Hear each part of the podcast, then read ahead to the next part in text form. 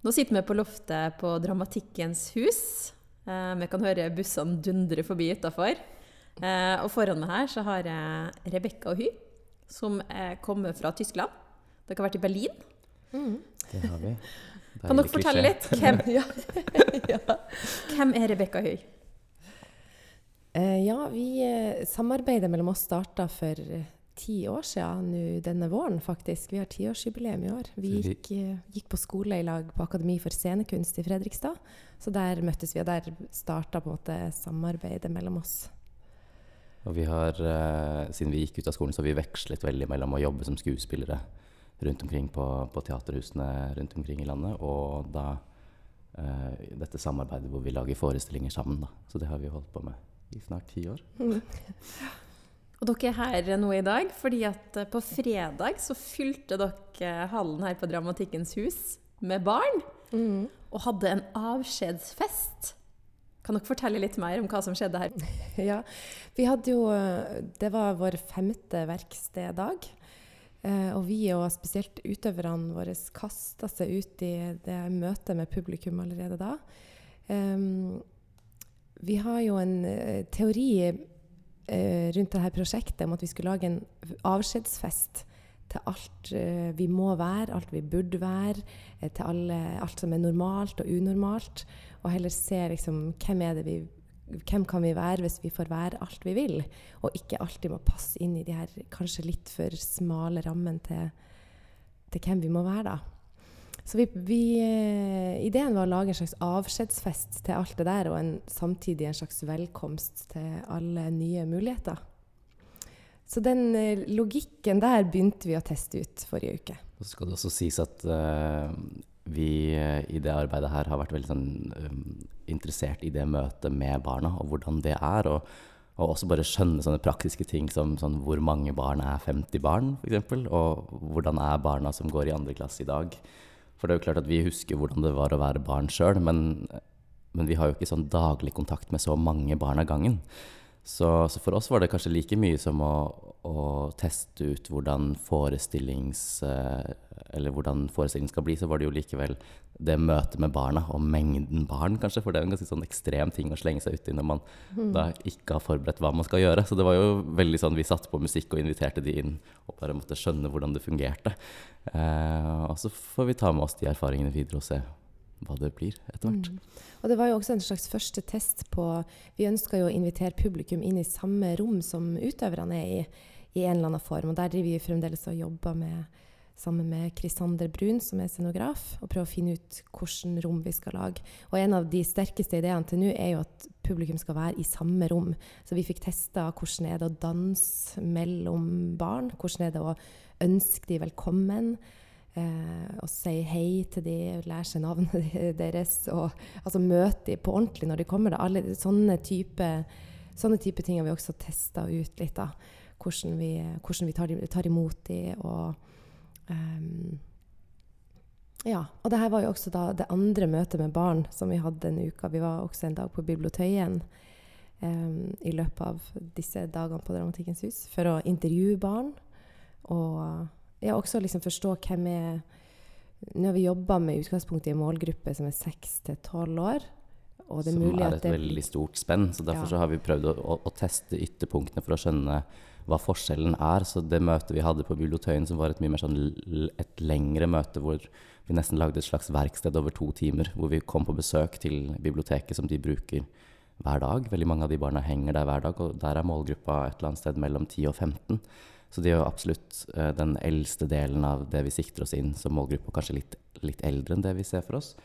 Eh, og der fikk vi møte de der de pleier å være, og snakke med de om ting de bryr seg om. Og vi eh, lagde musikk der som de fikk lov til å være med på å lage. Så det var mye mer sånn, der hadde vi god tid med de, opp mot det litt sånn heseblesende møtet med de småbarna vi hadde her på Dramatikkens hus. Da. Så det var en veldig sånn fin mulighet for oss til å teste ut ulike måter eh, å være sammen på, egentlig også. For vi har en slags teori om at um, at denne forestillingen skal være en slags sånn At vi tester ut teatret som samværsform på en eller annen måte. At det ikke nødvendigvis er sånn at de skal sitte og bare se på noe. Ikke at det er noe galt i det, men at, vi, at man kan være en del av en opplevelse og føle at man deltar uten at man blir stilt til veggs. Eh, så, så det er vel der vi prøver å finne ut ulike måter å henvende oss til barna på. da, Og det å være i samme rom. Ja, for den forestillinga som vi nå snakker om, Mm. den har jo fått en tittel. Den heter 'Goodbye Kitty'. Ja. Og den skal settes opp på teatret vårt i Molde fra høsten av. Mm. Barneteatret I Ålesund har Ja. vi premiere. Og så spiller vi på teatret vårt i Molde etterpå, så det er jo et eh, samarbeid der. Mm. For barneteatret vårt i Ålesund er jo da en del av, av teatret vårt i Molde. Mm. Og, og neste uke så skal dere til Molde for å fortsette verkstedet der. Mm. Kan dere fortelle litt av den, om den prosessen dere nå er inne i? Eh, ja, altså der er jo, vi har jo vært eh, så heldige at vi har to verksteduker nå på våren, og så har vi prøveperiode fra 18.9.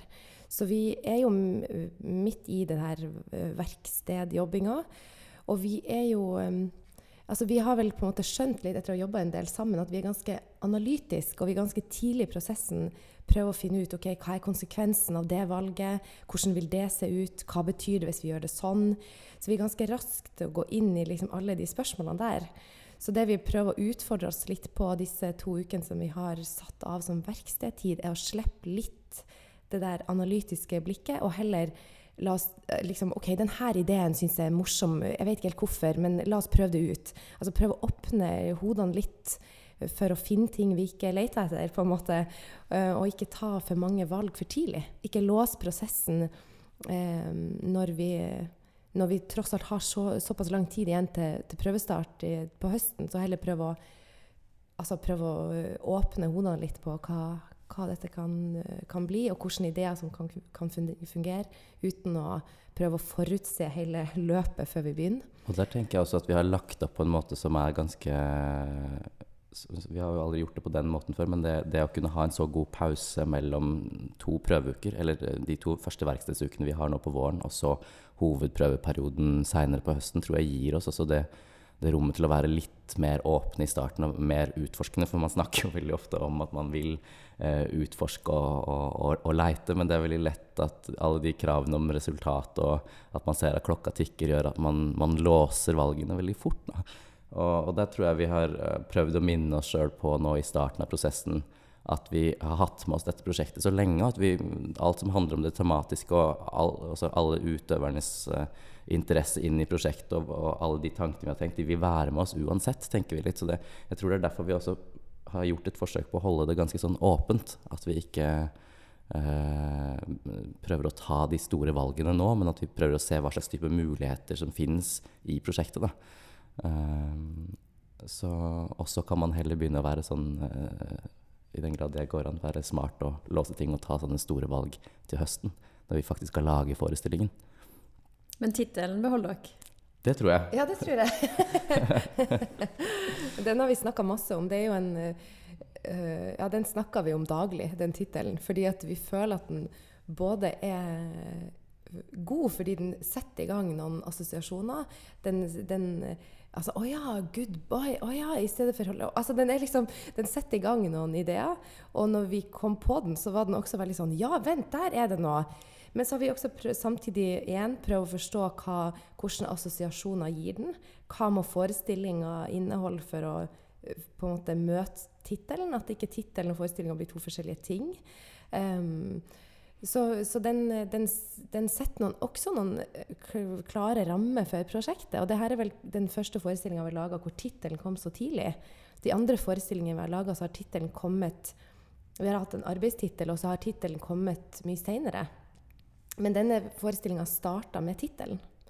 Um, Og på mange måter så syns jeg tittelen rommer hele mm, problemet med prosjektet. Eller altså den store utfordringen på en eller annen måte. Fordi at vi, vi, vi møter oss sjøl i døra hver eneste dag når vi jobber med dette prosjektet. Og, og, og, det opplever jeg kanskje litt at tittelen rommer litt også. For, for vi, vi starta jo med å si sånn Å, vi er så sinte på Low Kitty-figuren. For vi hadde vært masse på, på skoleturné, og, eh, og, utgangspunktet var jo på mange måter Vi har jo skrevet i prosjektbeskrivelsene det med at eh, utgangspunktet for prosjektet var at vi hadde lyst til å sprenge Hello Kitty i lufta, for vi var så lei av at skolegårdene var sånn helt rosa og helt blå, og at man ikke kan gå inn i en klesbutikk uten at Uh, uten at man må velge om man er gutt eller jente, og samme i leketøysbutikken. Så, så det var en slags sånn aggresjon som lå til grunn for prosjektet.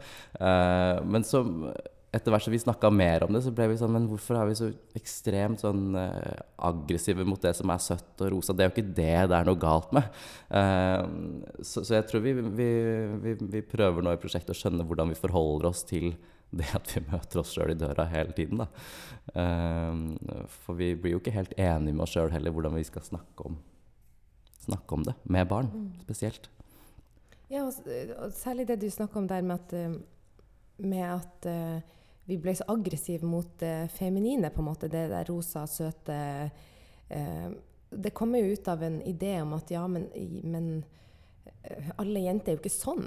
Samtidig som det er jo ikke alle gutter som er blå heller. Og det er jo ikke noe dårligere å være søt enn å være sterk. Det er jo ikke noe dårligere Det der med at Det er noe vi har snakka mye om i dette prosjektet, at det feminine ofte får en sånn Altså det er liksom litt mer negativt. Det er litt dårligere. Det er litt sånn annenrangs på en måte i forhold til de der Vi må bare bli sterkere, vi må ta mer plass. vi må, Og det, liksom, det med å oppfordre jenter til å gjøre det, det er jo også en, en viktig viktig del, men det er jo også viktig få, at ikke alle skal hva jeg skal si, At ikke alle skal innta det i fare for å bruke maskulint og feminint. det er liksom allerede, En gang man begynner å snakke om det, så, så er det sånne fallgruver på, på, alle kanter. på en måte. Men at ikke alle skal, det er ikke sånn at alle skal bli sterkere og alle skal bli blå. Det er jo ikke heller målet. Så det må liksom la, mer og mer så prøver vi å finne ut hvordan kan vi åpne de normalene, sånn at man føler at man har større valgfrihet at hvis du føler det rosa, så skal du vel få gå i rosa, men at man også eh, har en litt større Litt flere valgmuligheter. At verden ikke er så snever som at det er bare rosa og blått. Um, og der er det jo selvfølgelig også det at at mange lekebutikker er så veldig inndelt. Mange klesbutikker så er det de blå genserne med 'Adventurous' og de rosa genserne med 'Cupcake'. Eh, som, som, gjør at liksom, Hva gjør det med vår idé om hvem, hva vi skal passe inn i? Og hva gjør det med oss på sikt at det er det første vi møter? Samtidig som vi ikke vil alt det som er feminint og rosa og søtt til livs, har vi skjønt. Nei, for det er sånn, Jo mer vi jobber med prosjektet nå, så, så, så har jeg i hvert fall lurt, på om det, det, er det at vi er nødt til å ta tilbake fargen rosa. Eller at vi skal ta ja. tilbake søt, på en eller annen måte. Eh, litt sånn som man har tatt tilbake ordet homo, så, så så opplever jeg jo det der med at eh, prosjektet starta kanskje litt sånn bombastisk med å si sånn Nå skal vi bare ta et oppgjør med rosa helvete, liksom. Vi skal sprenge Low Kitty. Og, og, og, det er sånn tilfredsstillende å gå så sånn til kamp, for det, det, føles jo godt å ha noe å kjempe for. Samtidig som jeg tenker jo mer vi jobber med det, så innser vi jo at det kanskje er mer realistisk Nei, mer eh, altså, eh, komplekst enn som så. Og, og det er kanskje um, noe med at vi ender opp med, hvis vi hadde gått fullt og helt for det der veldig bombastiske som vi starta med i starten, så, så, rakker vi jo ned på det feminine og de, de, myke kvalitetene. Og det er jo ikke noe vi har lyst til. Altså, jeg er jo den største forkjemperen av å få lov til å gå i rosa og, og være myk gutt, holdt jeg på å si. Så, så det eh, Vi kjenner på de der fallgruvene for å spenne bein på prosjektet ganske ofte, da. Og Hello Kitty-dokka er jo høyt skatta eh, blant veldig mange barn. Mm. Det er den. Og og voksne, ikke minst. Mm. Og voksne, ikke sant. Og har dere vært litt sånn redd for det å Du snakker jo om det å sprenge Hello Kitty-dokka. At det kanskje mange vil komme i en forsvarsposisjon. Ja. Det, her er liksom, det her er på en måte litt kjernen av prosjektet. For hvordan, hvordan introduserer vi nye muligheter uten å rakke ned på det som som fins. Jeg tenker hvis du, er, hvis du er en gutt og kommer på forestilling i blått, eller er ei jente og kommer på forestilling i rosa, så vil vi jo ikke at de skal sitte der og kjenne at oi, det noe, dette var feil, eller å nei, jeg har rosa, det var dårlig. altså Det er jo absolutt ikke det vi vil at de ungene skal sitte igjen med. Um, men det er, jo, um, det er jo likevel altså, igjen det der med å åpne opp uh, ideene for at hvis man, da, hvis man da ikke føler at man passer inn i de kategoriene For, for mange gjør jo sikkert det. Jeg var kjempeglad i rosa når jeg var lita og ikke gå, ville ikke gå i noe annet enn rosa. Så jeg hadde absolutt min rosa-periode. Um, uten at jeg kan si at det nødvendigvis var skadelig, det. Um, men det er, rett, det er, jo kanskje mer det å liksom Hvis du da er en gutt og vil gå i rosa, så er det jo viktig at du får lov til det. Hvis du er jente og har lyst til å kle deg ut som Supermann, hvorfor skal du ikke det? Så det er jo mer å liksom åpne opp kategoriene og blande litt. Og, og gi, gi, oss sjøl og ungene større mulighet til å velge fra flere Du har ikke bare dette ene valget, du har mange valg. Um, men samtidig så er vi jo også gjennom livet veldig opptatt av å passe inn. Vi er jo det, altså både voksne og barn. Sånn at um, um, Det kommer jo fra, fra et sted, det er også. Det er viktig for oss å liksom, hvordan, hvordan tune inn til denne gruppa med folk, og er det dette som er reglene? Og, så, men det er jo kanskje en liksom øvelse i å åpne opp sansene litt, og åpne opp uh, ideene om hvem man kan bli, da. Bare som en slags uh, ekstra forslag. forslag ja. Uten å rakke ned på det som er, så heller For det snakka vi også om når vi begynte med prosjektet. Hvordan kan vi snakke om disse temaene uten å behandle alt som et problem? Kan vi heller feire mulighetene i stedet for å slåss mot det eksisterende? Kan vi på en måte heller åpne opp døra enn å liksom ja, eh, møte på en annen måte enn gjennom det aggressive, da? For du kaller jo dette for en avskjedsfest både for det normale og det unormale? Ja, rett og slett. At ikke båsene blir så små. Ja, for det, det, det, var kanskje der vi I og med at det finnes et så tydelig sånn goodbye i tittelen òg, og, og, og, og, det er jo ikke bare det at vi skal da kvitte oss med Kitty, for det har vi jo kanskje skjønt at det det er ikke et prosjekt i seg selv, kanskje, men, men nettopp det der at det fins ganske mange muligheter som oppstår når man faktisk forlater noe. Altså forlater ideen om at ting må være på en viss måte, eller at, uh, at uh, en normal bås er sånn og en unormal bås er sånn. Men idet man sier ha det til de, de veldig sånn tydelige kategoriene, da, så, så, åpner man kanskje opp for andre typer sammenstillinger og et annet blikk, hvis man vrir og vender på ting litt jeg tror sånn I løpet av den uka her som vi har hatt på Dramatikkens hus, også, så er det jo noe med å finne måter å snakke om eh, alt man ser for seg, og alt som er mulig med barn. Og introdusere noe som de ikke vet at de vil ha. Det er veldig lett å gå til de mest sånn umiddelbare tingene. Og jeg tror vi skal gå i møte med, eh, med det mest umiddelbare og det som eh, er mest opplagt. Men, men, det er noe med å si sånn Det fins, men vi kan også vri på det. Eh, så, så vi har lurt veldig på hvordan vi kan kan eh, møte det som oppleves som normalt, eller det som man vet man vil ha, og så si sånn Men det fins også en, en, ny mulighet. Det fins noe mer hvis du, hvis du tør eh, Eller hvis det er noen andre som kan også være med på å foreslå nye, eh, nye ting som man ikke kunne se for seg og ikke visste om. For det, det er jo noe med å, å, å, lage Vi har vært opptatt av å, å, lage nye forbilder på en eller annen måte.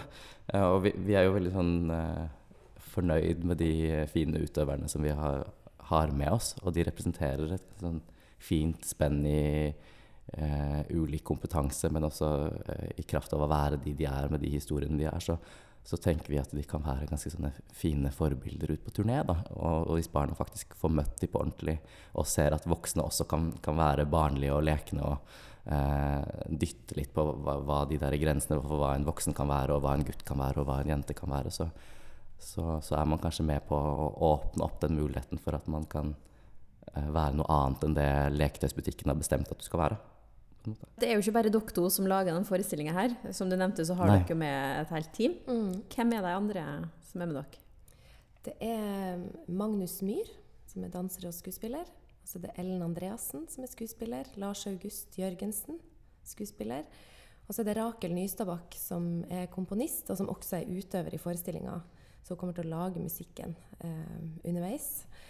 Og så er det Krisander Brun, som er scenograf, lysdesigner og kostymedesigner. Og så er det Annika Ostvald, som er produsent.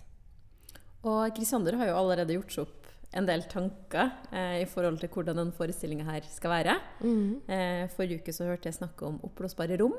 Ja. Ja. ja, der er vi eh, i daglig dialog eh, med han om hvordan retning vi skal ta.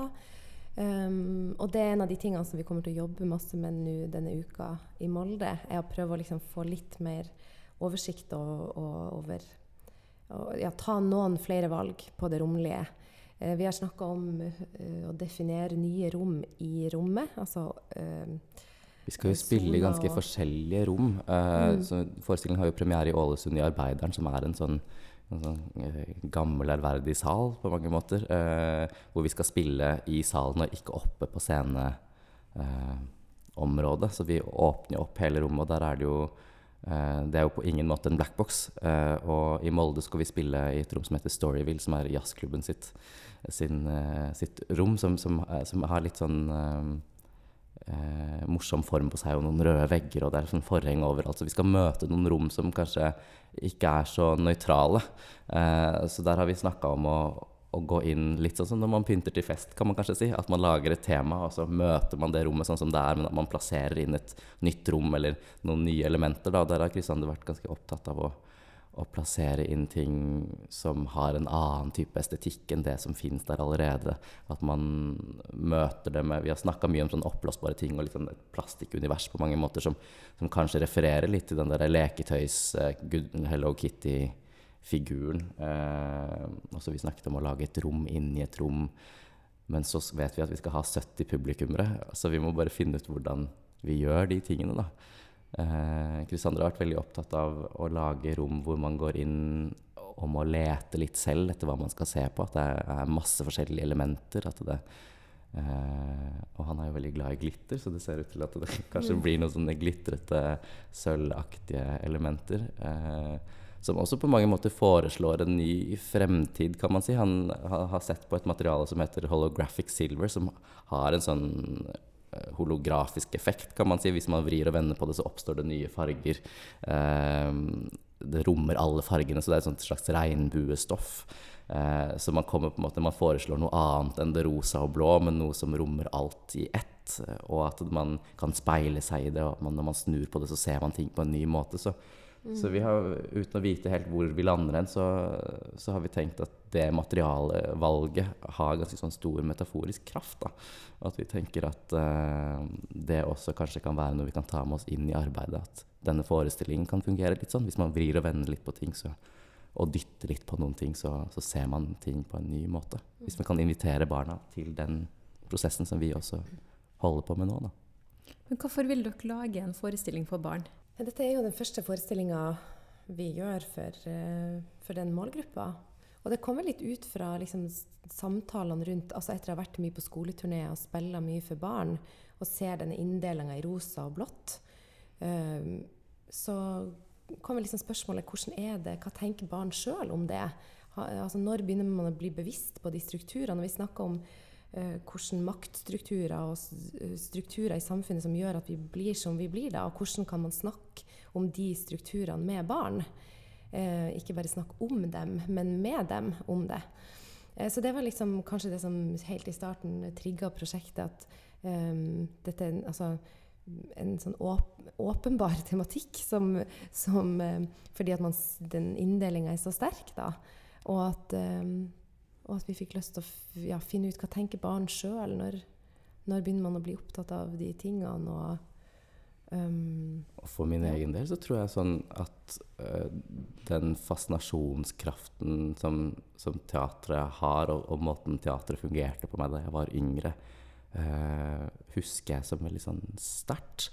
Uh, og også som, som skuespiller som har reist veldig mye rundt på skoleturné, så, så syns jeg mange av de møtene er de møtene som har sånn størst teatral kraft, på en eller annen måte. Altså jeg, jeg husker eh, rett etter at jeg var ferdig på skolen og turnerte med Hege Hågenrud med en barneforestilling som het 'Dyret som nektet', så, så reiste vi rundt sånn tidlig på høsten eh, og spilte i gymsaler, sånn som man ofte gjør eh, når man spiller på DKS. Eh, og mange av de førsteklassingene som gikk på skolen, hadde jo kanskje vært i gymsalen to ganger før og, så vidt klart å åpne de dørene for å komme inn de tunge tunge dørene når man kommer inn i gymsalen. Og Vanligvis så napper man hale og leker stiv heks og spiller fotball og løper rundt, og det gjaller og det er kjempelyst, og det rommet er noe man kjenner. men, men eh, men da vi kom og slo av lyset og spilte sånn eh, Det var masse skogslyd, det var sånn musikk.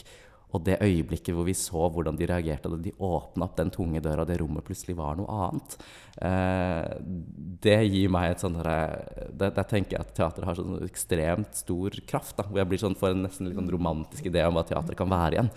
Eh, og det er kanskje litt av motivasjonen for å lage teater for barn. For jeg tenker at det, det er et enormt sånn potensial til å fascinere og til å, å påvirke på en helt annen måte enn enn å lage mm. teater for uh, våre kjære kolleger uh, som har sett mm. masse teater før. Da. Og at selv om vi lager en forestilling for barn, så er dette noe som opptar oss personlig også. Og det er jo noe av det som går igjen i, både, i vårt arbeid, at vi lager forestilling om ting som som, uh, altså spørsmål som vi har på en måte i våre egne liv òg. Så vi snakka jo masse om på prøvene all, altså de gangene man møter på ideen om hvem man er som ung dame, eller som homofil mann, eller som altså alle de her, Vi passer jo også, eller ikke passer, inn i disse kategoriene sjøl. Så for oss har det vært viktig å, å mm, hva skal jeg si, Hvordan man tar med seg sjøl inn i arbeidet, og stiller seg sjøl de samme spørsmålene. Og jobber like mye gjennom sitt eget blikk når man lager forestilling for barn, som vi ville gjort hvis vi laga forestilling for voksne. Da. Men der er det også en sånn ekstra lag når vi nå har valgt å jobbe med barn og unge som målgruppe. Fordi at det altså, Teatret, uansett om det er verbalt eller ikke, så handler det ekstremt mye om språk på en eller annen måte. Og, og, og for meg så, så, er det en sånn oversettelsesprosess der.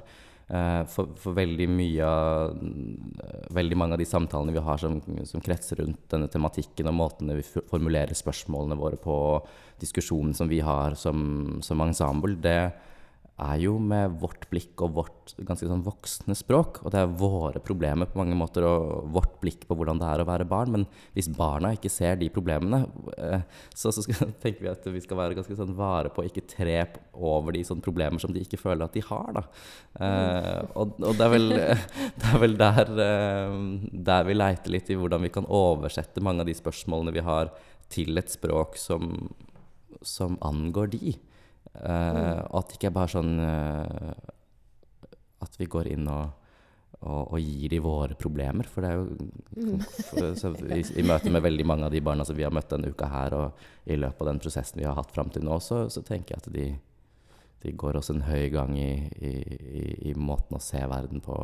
Sånn. Det mm. fins jo en åpenhet der, så lenge man bare klarer å invitere den fram på et eller annet vis. Mm. Og så er det jo også det er jo litt der vi er i prosessen nå, at hvordan, vi snakker masse om disse tingene, men hvordan ser det ut i scenisk form? Eh, eh, vi leter nå etter et språk hvor vi ikke sitter og snakker om dette, men hvor vi ser det. Hvordan ser det ut, denne nye normalen, holdt jeg på å si, eller disse, eller disse åpne kategoriene, eller nye måter å se verden på? Altså, hva er det på scenen? Er, og skjer det gjennom musikken, gjennom rommet, gjennom kostymene, gjennom sang, gjennom parykkbruk? Altså, hvem vet? Så det er jo liksom det vi En ting er at vi prøver å snakke oss inn i denne tematikken og forstå hvor er, hvor er disse ungene vi skal snakke til, og hvor stor forskjell er det på de ungene vi har møtt her i Oslo og de som vi møter i Ålesund. Er, de, er, det forskjell der, eller er de ca. lik? Altså, det er jo også sånne ting som vi prøver å finne ut. Eh, samtidig som vi også prøver å liksom utfordre oss sjøl på OK, og hvis man ikke skal sette seg ned og snakke om det, hvordan ser det ut?